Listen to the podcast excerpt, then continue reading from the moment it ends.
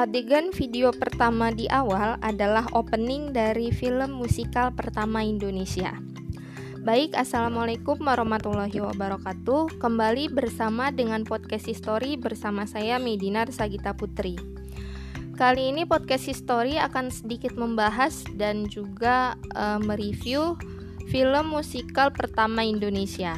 Baik, tanpa berlama-lama langsung kita ke pembahasannya. Asrama Dara Mungkin nama film ini terdengar begitu asing bagi kita Wajar saja, film ini rilis kurang lebih 63 tahun yang lalu, tepatnya tahun 1958. Film ini sudah tidak asing lagi ya bagi para penggemar film-film hitam putih atau film-film zaman dulu. Terus juga udah gak asing juga untuk para uh, penggemar sejarah ya. Namun buat saya film ini cukup menarik baik dari segi sinematografis atau teknik pengambilan gambar, jalan cerita, pemain, bahkan latar belakang yang disajikan di film ini. Nah, film ini sendiri dibuka dengan sebuah pesawat jenis Dakota milik maskapai Garuda Indonesia Airways. Nah, Garuda Indonesia Airways atau GIA GIA sendiri merupakan cikal bakal dari maskapai Garuda Indonesia. Nah, pesawat tersebut lepas landas meninggalkan Bandar Udara Kemayoran. Dulu bandar bandar udara pertama kita itu adanya di Kemayoran sebelum pindah ke Soekarno Hatta.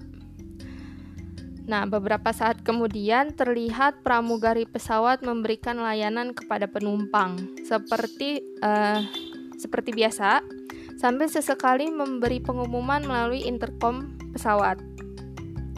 Nah, setting kemudian berpindah memperlihatkan sebuah kampus. Nah, kampus ini udah nggak asing lagi ya, yaitu Fakultas Kedokteran Universitas Indonesia Salemba dengan suasana lab yang tengah mempraktekkan operasi di sana. Jadi, di dalam film itu, di dalam setting yang memperlihatkan UI itu, diperlihatkan uh, praktik operasi di sana.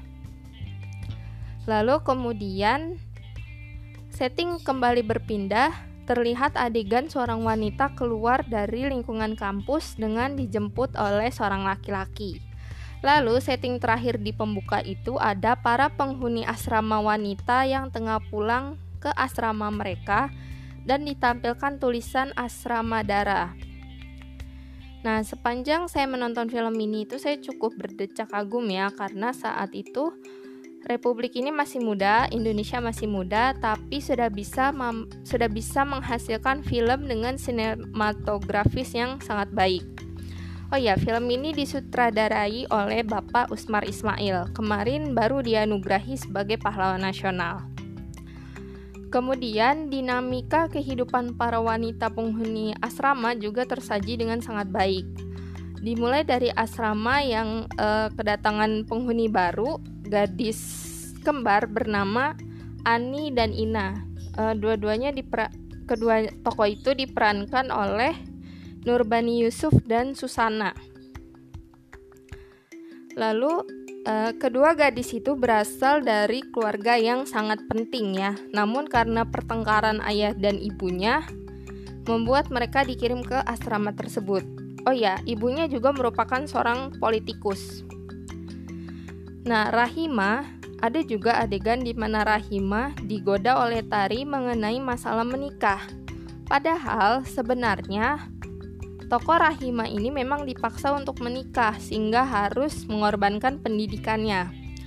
Namun akhirnya berhasil ditolong oleh seorang tokoh yang bernama Nasrul untuk menyelesaikan masalahnya sehingga dan akhirnya Nasrul ini meminang Rahima.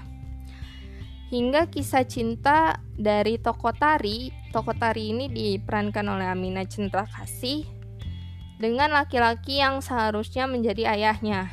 Nah, maksudnya Tari ini jatuh cinta dengan laki-laki yang usianya sebaya dengan ayahnya.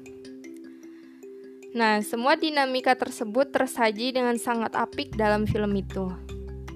Nah, film ini disutradarai oleh almarhum Bapak Usmar Ismail dan dibintangi oleh aktris dan aktor tersohor pada masanya, uh, pemeran-pemerannya itu seperti Citra Dewi itu memerankan tokoh Rahimah, Amina Cendra Kasih memerankan tokoh Tari, lalu ada Vivi Yang, beliau berperan sebagai Ibu Siti. Ibu Siti ini merupakan ibu asrama, ibu asrama di sana. Lalu ada Baby Hue berperan sebagai Maria, Bambang Hermanto berperan sebagai Iman Syah, Rendra Karno sebagai Broto, Bambang Irawan berperan sebagai Nasrun, Nasrul, serta Nurbani Yusuf dan Susana, pemeran dari tokoh gadis kembar Ani dan Ina. Nah, akhir kata film ini membuat saya sadar bahwa sineas negeri ini adalah sineas yang sangat berbakat dan sangat spektakuler ya.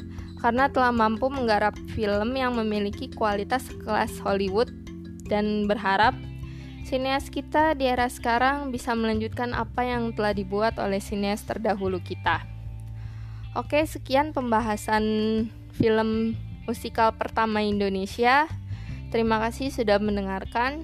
Jangan lupa like dan subscribe jika kalian mendengarkan di kanal YouTube. Terima kasih sudah mendengarkan, semoga bermanfaat. Salam.